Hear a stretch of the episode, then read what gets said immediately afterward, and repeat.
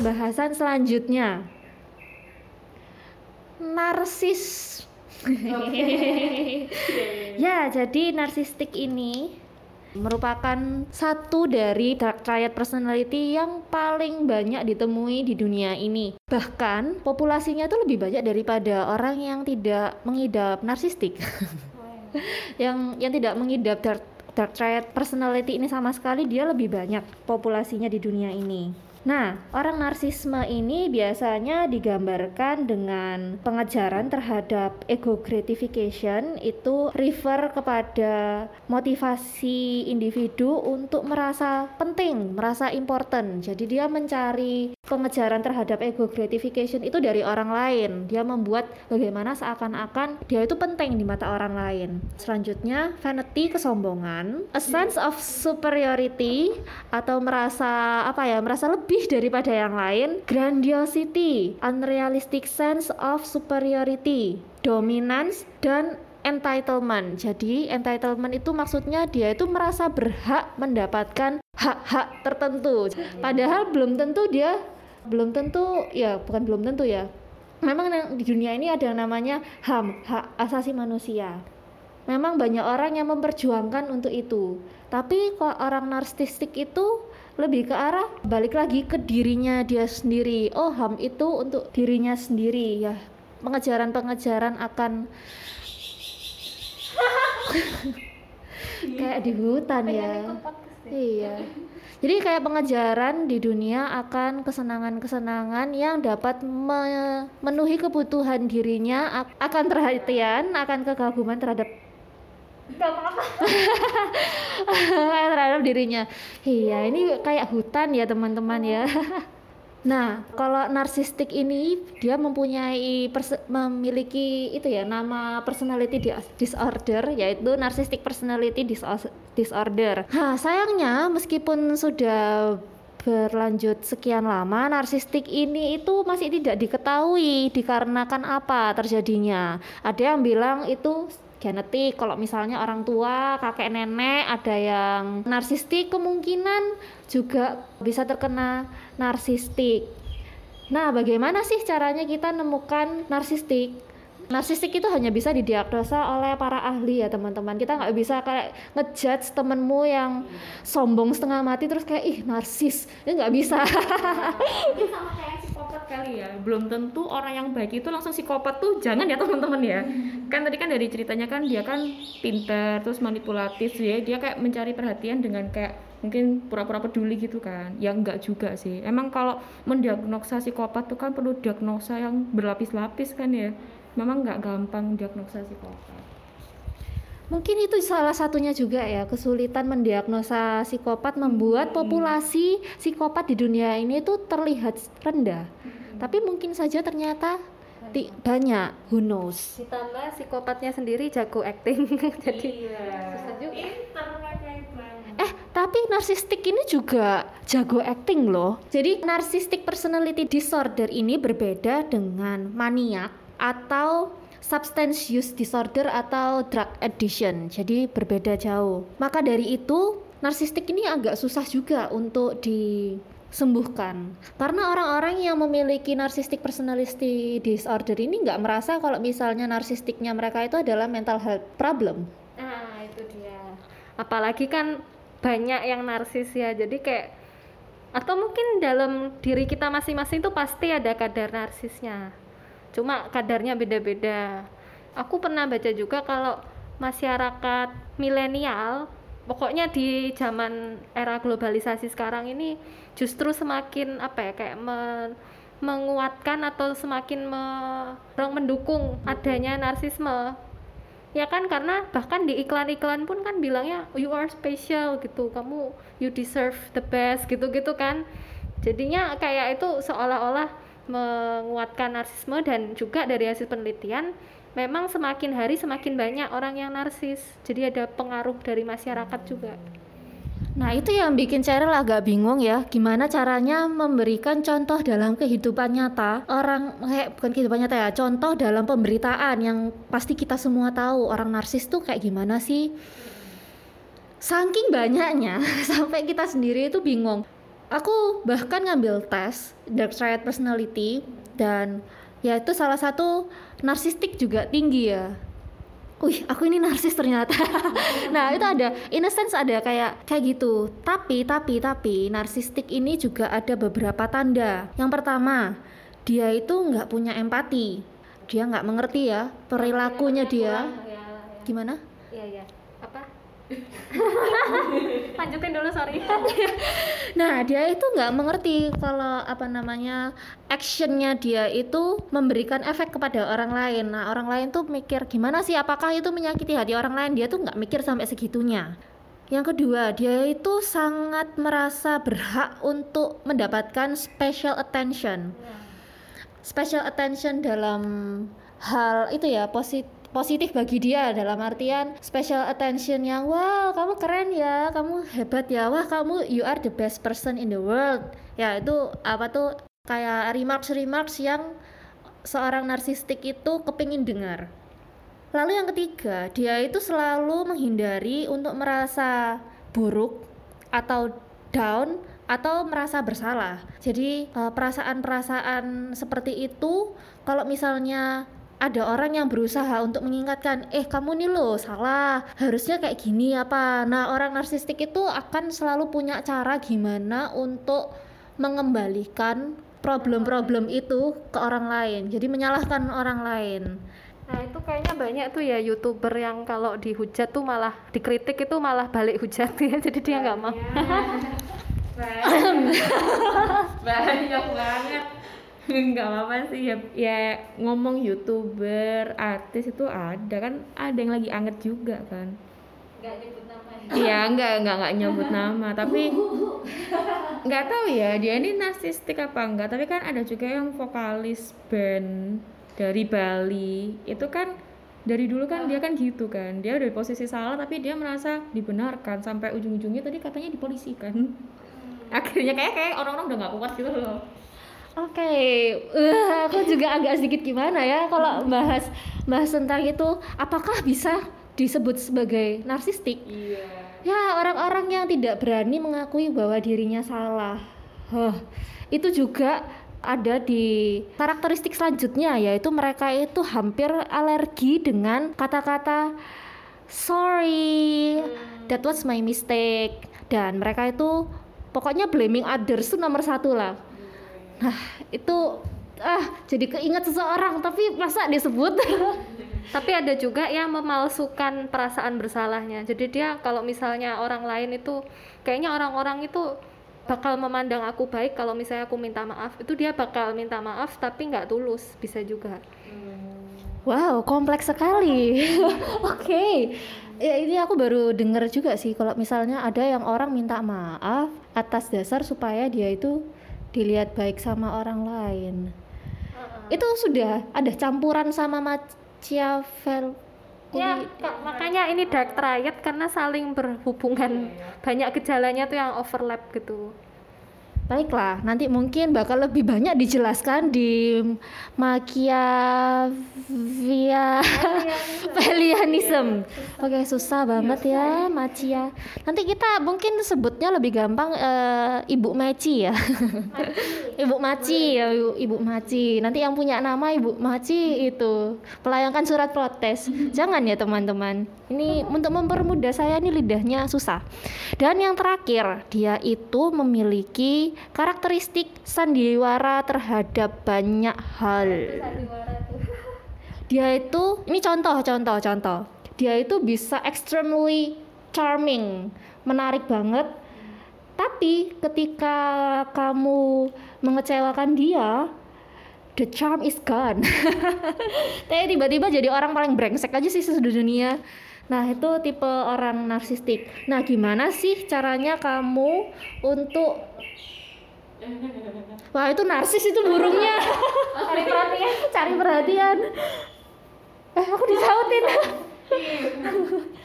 nah, gimana sih caranya kita itu menghadapi orang yang narsis? Yang pertama-tama Langsung deh. Iya. yang jadi gak terima dia nggak terima ya jadi translate-nya ya dari yang tadi cicitan burung itu yang pertama jangan pernah sharing your personal information sama orang yang sudah kalian rasa adalah narsis eh setuju Wah. bisa ya Jadi personal information tuh dalam hal apa sih? Ya apa pun, misalkan personal goals kalian, kehidupan cinta, atau bahkan keadaan finansial. Bisa saja orang-orang yang narsistik itu akan menggunakan perso- apa tuh personal information seperti itu untuk menjatuhkan kita. Aku juga nggak paham sih kenapa sih mereka mikir sampai segitunya. ya pokoknya pengen namanya itu dianggap spesial ini aku pernah baca juga narsis tuh nggak melulu orang-orang yang apa ya nggak melulu artis atau orang-orang yang populer yang hedon yang dipuja-puja tapi bisa juga sukarelawan. Orang yang seperti pahlawan gitu loh pahlawan kemanusiaan ada yang narsis. Taunya dari mana? Jadi ceritanya sih penulis buku ini ini dari buku self compassion yang nulis itu sorry yang nulis siapa ya? Aku lupa. Pokoknya bukunya namanya self compassion aku yang pasti kalau nulis. Ya diaminin aja. Nah yang nulis itu kenal sama orang itu si pahlawan kemanusiaan itu. Jadi orang itu suka banget membantu dia tuh selalu aktif banget di organisasi kemanusiaan. Jadi dia tuh mesti eh, apa-apa membantu apa-apa membantu gitu. Kan seolah-olah selfless ya seolah-olah. Tapi suatu hari temennya si penulis ini bukan bukan si- aduh kita sebut nama aja ya. Maksudnya kita pakai nama samaran oke yang pahlawan kemanusiaan namanya eh, Merpati. Oke, berarti sebut itu nama burung sudah. terus habis itu ya. ibu merpati. Terus habis itu temennya itu namanya siapa? Tekukur gitu ya. Nah terus si tekukur ini suatu hari pengen apa ya kolaborasi semacam kolaborasi sama organisasinya ibu merpati. Intinya si tekukur ini pengen donasi. Nah tapi si tekukur ini kalau nggak salah dia sempat ditunjuk jadi atasannya si merpat apa ya pokoknya kayak koordinatornya yang mem- apa mengkoordinir si merpati. Jadi kan otomatis merpati jadi semacam bawahannya gitu kan. Nah itu merpati nggak suka. Dia nggak suka kalau ada orang lain yang lebih shiny lebih lebih bersinar dibanding dia yang lebih dianggap pahlawan. Nah itu akhirnya si merpati itu kayak bikin gosip-gosip yang jelek yang jelek-jelekin si tekukur gitu. Jadi intinya tuh dia nggak pengen kalah kalah apa ya kalah pamor sama orang lain. Heeh, kan dia sudah kadung merasa spesial dianggap sebagai pahlawan kemanusiaan. Dia nggak pengen ada yang menyaingi gitu. Berarti secara nggak langsung perasaan narsistik atau traits per narsistik ini bisa terbentuk dari umur-umur yang sudah matang ya. Mungkin bisa jadi dia dulunya nggak narsis loh. Tapi karena mungkin sering dilihat dia baik, dapat penghargaan mungkin, juga di pemberitaan dia dipandang sebagai orang yang baik. Selain itu juga orang yang dibantu juga merasa, wah you are hero, you are angel, bisa bantuin kita gitu. mungkin lebih tepatnya itu bukan yang menyebabkan dia jadi narsis tapi itu pemicu aja dia dari awal kayaknya emang motivasinya aja udah nggak bener berarti kan dia motivasinya kan ya untuk dianggap baik gitu kan motivasinya terjun ke dunia itu. Ya mungkin bisa juga motivasi tambahan ya. Maksudnya bisa aja dia memang pengen bantu ya bonusnya dianggap pahlawan gitu. Tapi kan kalau aku baca kalau nggak salah itu pola asuh emang punya peran penting. Jadi masa kecil itu juga punya peran penting Nah, kalau ngomongin motivasi terhadap apa tuh terbentuknya narsistik ini emang agak susah ya karena ada beberapa orang yang bilang motivasimu apa apa aja, motivasimu itu yang penting kamu mulai dulu aja. Ada yang bilang kayak gitu, ada orang lain bilang kalau misalnya motivasi itu nomor satu. Kalau misalnya motivasimu memulai sesuatu itu sudah salah, ya tidak akan membawa hasil yang dapat memuaskan. Nah, jadi kalau ngomongin motivasi itu susah sih kalau menurutku. iya iya mungkin tergantung juga ya Ya, itu yang pertama. Bagaimana cara menghadapi orang yang narsistik? Yang kedua adalah pivot the conversation. Misalkan sudah menjerumus-menjerumus nih, dia berusaha korek-korek informasimu, kembalikan saja apa namanya pembicaraannya. Pertama, itu akan membuat mereka itu membicarakan subjek favorit mereka. Yaitu diri mereka sendiri. Because orang narsistik sangat suka untuk menceritakan tentang diri sendiri. Eh, relate ya, ada yang relate ya. Oke oke. Bentar, sebelum sebelum kita cerita dulu ini yang kedua, se- selain itu dapat membuat mereka membicarakan diri mereka sendiri, attention mereka juga dapat lepas daripada kita. Jadi itu cara untuk melindungi diri kita da- terhadap orang-orang yang narsis. Oke, relate peserta pertama, Enya. apa ya narsistik aku sih nggak mau ngejudge dulu sih tapi dari penuturan Cheryl tadi itu ya di sekitarku ya ada sensor ya aku aku berusaha untuk mensensor sebanyak mungkin ya jadi emang dia ini kelihatan sih dia tuh mau menunjukkan aku tuh punya prestasi dari SMP dari SMA dan dari kuliah. Dia tuh kayak cerita itu nggak cuma ke satu dua tapi bisa pokoknya kalau diajak ngomong nyambung ya dia harus menunjukkan itu. Bahkan tuh sampai sampai aku inget banget dia tuh pernah ya dia tuh kayak apa ya dia tuh kayak pernah tampil di kotanya dia itu kayak pertunjukan apa gitu loh senasional eh se sekota lah. Dia tuh sampai nunjukin videonya. Ini loh guys aku tuh bisa sampai sampai sini sampai ditunjukkan tuh ke video itu semua semuanya tapi kayaknya pada saat itu teman-teman yang lain tuh kayak males capek gitu loh jadi kayak nggak dihirauin karena dia ini sampai orang lain pun yang nggak kenal aja kayak baru diajak ngomong ya kayak apa ya nggak seberapa deket lah ibaratnya. Itu juga kayak kayak nggak nyaman gitu loh sampai sebegitunya si dia ini.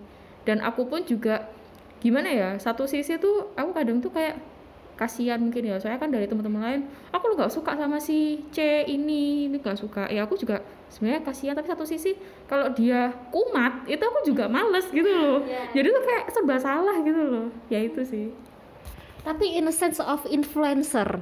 Aduh, itu bukankah salah satu dia cara untuk itu ya, influence orang, membuat orang jadi mengenal dia. Hmm, mungkin iya sih. Jadi dia tuh itu mungkin dibuat senjatanya dia kali ya. Jadi dia tuh kayak menarik temen tuh dengan cara me membangga-banggakan dia dulu gitu loh. Aku bisa ini loh, aku bisa itu loh. Tapi pada apa ya? Padahal ya cara itu juga sampai bikin orang tuh nggak nyaman gitu loh.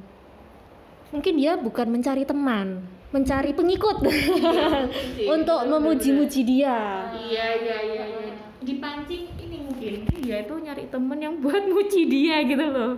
Jadi bukan yang kayak ya nggak tahu ya mungkin saking apa ya saking dia tuh sering melakukan itu jadi kayak orang-orang tuh kadang kayak udah apal gitu loh kadang tuh niat baiknya dia tuh dianggap sampai dianggap jelek juga sama yang lain Kasihan juga. Ada mau menyampaikan sepatah dua kata? Oh ada. Dan ini kalian pasti relate banget.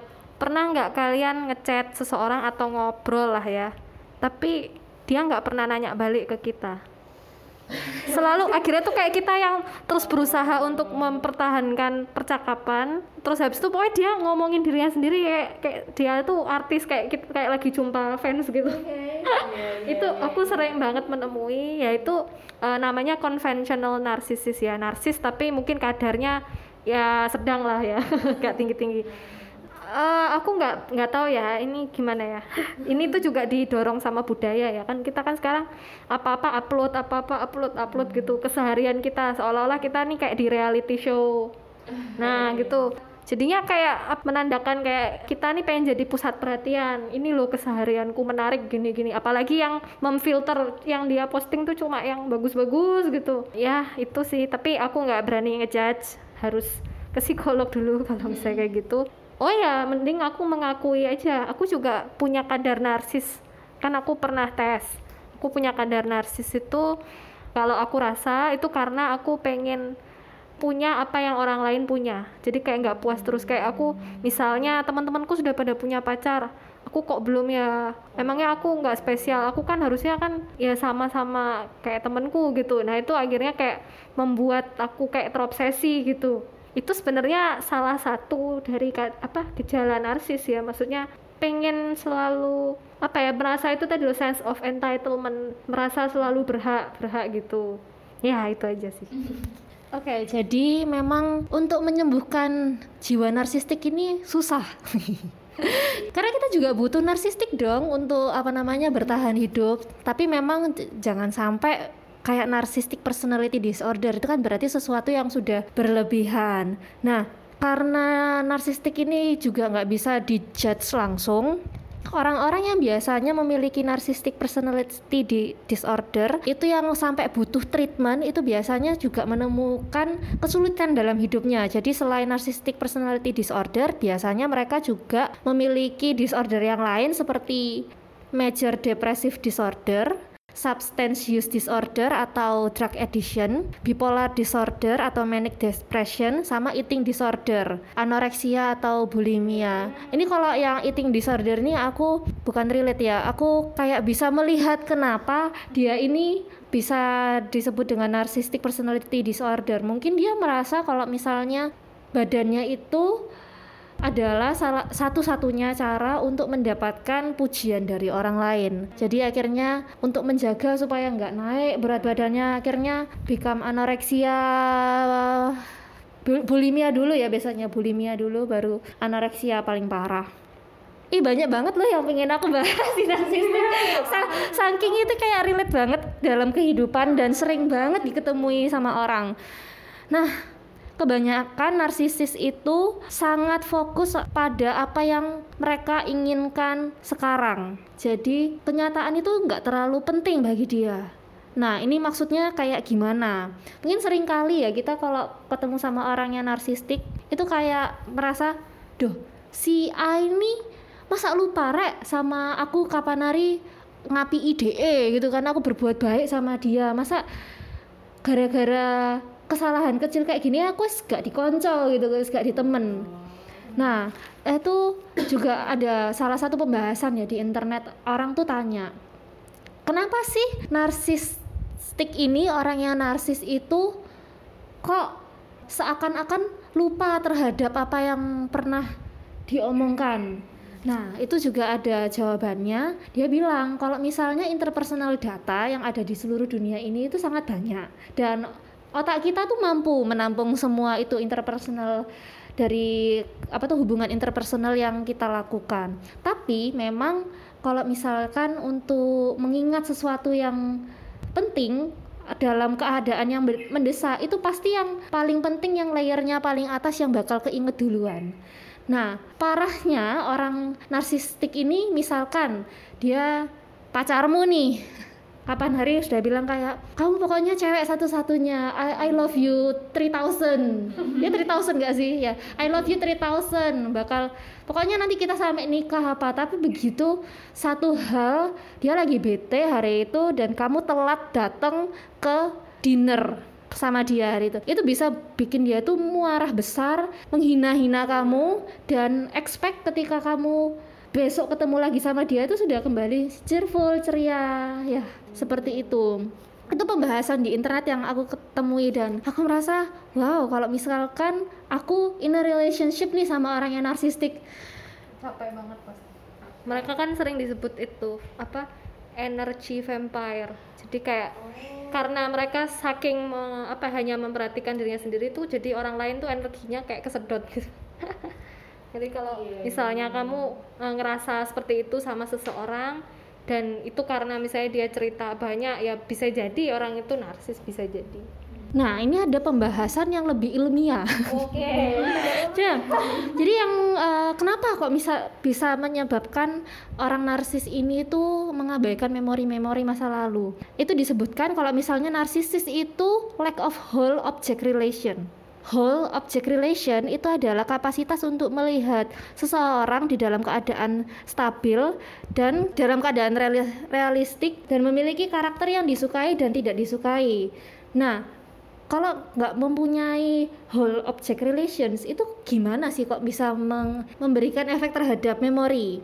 Nah, kita itu sering kali lebih mudah untuk notice hal-hal yang berkaitan dengan keinginan yang sekala, sekarang, ketakutan, dan trauma di masa lalu atau kebutuhan di masa lalu yang belum terpenuhi hingga sekarang. Itu yang sering kali kita notice hal-hal yang seperti itu. Nah, orang yang na narsis dia sudah gak punya whole object relations itu jadi dia ini nggak bisa memberi apa tuh nggak punya informasi-informasi yang penting itu yang pertama. Yang kedua, narsisis itu juga lack of object constancy. Object constancy itu dalam artian adalah kemampuan untuk mempertahankan big picture of whole relationship. Nah, kalau sudah nggak punya whole object relationship, gimana caranya dia mempertahankan big picture itu? Big picture yang dia nggak bisa pertahankan itu terutama kebaikan dalam diri orang lain. Pas waktu seorang narsistik itu marah, tersakiti atau frustasi. Jadi kalau misalnya kalian pernah tuh baik banget sama temen deket kalian dan it happens that teman deket kalian itu narsis ketika dia merasa marah atau tersakiti, dia akan lupa akan segala kebaikan yang pernah kalian lakukan terhadapnya dan tiba-tiba memutus hubungan pertemanan aja. Itu ya aku pernah sih memiliki teman seperti itu. Ya, jadi uh, Mari kita ceritakan. Jadi anggap saja dia namanya tadi sudah merpati tekukur bio sekarang ya. Iya sampai udah diem nih burungnya. ya jadi temanku si Beo ini aku kayak sering banget maksudnya berusaha untuk mempercayai dia dengan cerita-cerita apa pun dalam kehidupanku. Cuman memang ceritanya via chat karena dia kalau diajak ketemuan tuh nggak mau dan juga di telepon juga nggak mau udah itu kan sebenarnya sudah ada tanda-tanda kan cuman kayak dasarnya aku ya sudahlah teman gitu kan terus akhirnya uh, berusaha untuk mendekati nggak terima itu burungnya ya mendekati dia dengan cara aku lebih terbuka. Dengan harapan dia juga bisa nyaman dan terbuka juga dengan aku. Ada satu masa di mana dia itu merasa apa ya dia nggak cerita sih cuman aku merasa dia agak depresi gitu. Jadi nggak nyaman lah. Biasa kalau di seenggaknya ngerespon enak ngeresponnya. Nah itu ada satu masa di mana dia kalau ngeresponnya itu negatif banget. Jadi aku cerita tentang apa gitu selalu dibalikkan ke dirinya lagi. Dan ketika aku bilang eh kamu kok aku cerita ini kamu kok nggak nanggepin sih? Kok kamu malah cerita tentang dirimu sendiri? Dia tuh bakal marah dan kayak ngomong kamu tuh ya mana bisa aku nganggap kamu teman kalau misalnya caramu tuh kayak gini? Uh itu kayak oke okay. sejak saat itu aku sudah males ya menghubungi. Dia lagi. Nah ini nih beberapa communication style yang dimiliki oleh seorang yang narsis. Yang pertama hoarding conversation time. Pernah kalian dengar ini seperti ini nih kira-kira hoarding conversation time? My partner's idea of having great talk is one where he does the talking and I the listening. Yes, ketika uh, seseorang itu ngomong-ngomong-ngomong-ngomong-ngomong-ngomong dan dia bilang, "Wow, it's a great great talk ya." Tapi kamu cuma dengar, ya itu bisa diindikasikan dia itu adalah orang yang narsistik. Kedua, controlling conversation topic ya pokoknya semua conversationnya diatur sama dia bukan dia MC ya. Kalau misalnya MC memang tugasnya untuk mengatur jalannya nah ini seakan-akan dia itu mengontrol semua percakapan dalam hidup kalian gitu loh. Terus yang selanjutnya adalah frequently interrupts. Pernah nggak sih kalian tuh ngobrol terus tiba-tiba eh, eh tapi atau ada orang sebenarnya ya guys kayak kalian tuh belum selesai cerita tapi udah dipotong sebenarnya ya guys. Dan mau nggak mau semua orang perhatiannya kembali lagi ke orang itu. Hmm. ya dia merasa bahwa dia tuh tahu segalanya. Jadi meskipun dia potong di tengah-tengah tanpa ngikutin dari awal bisa terjadi seperti itu. Unempathetic listening. Dia mendengarkan kamu tanpa memiliki rasa empati. Kira-kira pernyataannya seperti ini. Loh kamu sakit Terus siapa yang nganterin aku ke mall nanti? Kira-kira seperti itu percakapan yang terjadi kalau misalnya kalian ngomong sama orang yang narsis. Excessive aggrandizement and self praise. Apa itu bahasa Indonesia-nya? ya, apa namanya? Uh, berlebihan lah, berlebihan dalam memuji diri sendiri. Misalkan, she likes to drop the phrase I'm lawyer into every social conversation no matter how irrelevant. Ini pernah sih aku dengar yaitu my teacher. dia sering kali bilang lu saya ini guru loh kayak nggak ada nggak ada juntrungannya sama kita lagi ngomong apa tapi tiba-tiba saya ini guru loh masa anjing saya lebih pintar daripada kalian itu itu pernah ada yang ngomong kayak gitu by the way. Jadi yang selanjutnya adalah false superiority complex. Jadi dia merasa heroes of the days. Kalau misalnya kalian pernah dengar ada orang coba ya kalau misalnya aku nggak ada di situ hari itu. Kalau nggak ada aku itu kacau sudah. Nah itu pernyataan yang biasa dikeluarkan oleh seorang yang narsis. Selanjutnya adalah know it all and unsolicited advice.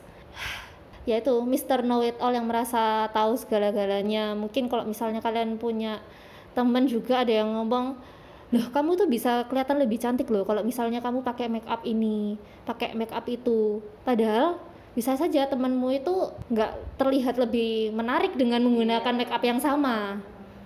Kelihatannya relate a lot ya Elia. Ini iya iya. Iya sumpah langsung ting. Muncul sini Eh, muncul ke sana ke mana gitu Nah, yang terakhir, manipulation or using others as extension of self. Manipulasi, nggak cuman di narsistik sama psikopat aja ya manipulasi. Manipulasi ini juga banyak terdapat dalam Ibu Maci. Yeay, sekarang let me